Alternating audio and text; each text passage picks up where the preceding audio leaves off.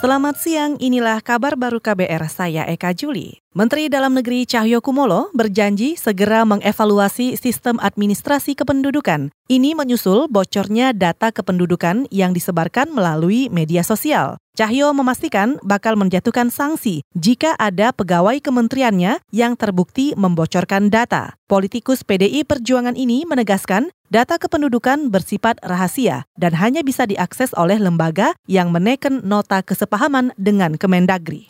Dari siapa dia bisa dapat data itu? Kerjasama dengan siapa? Nah, ini akan kami evaluasi aja. Hmm.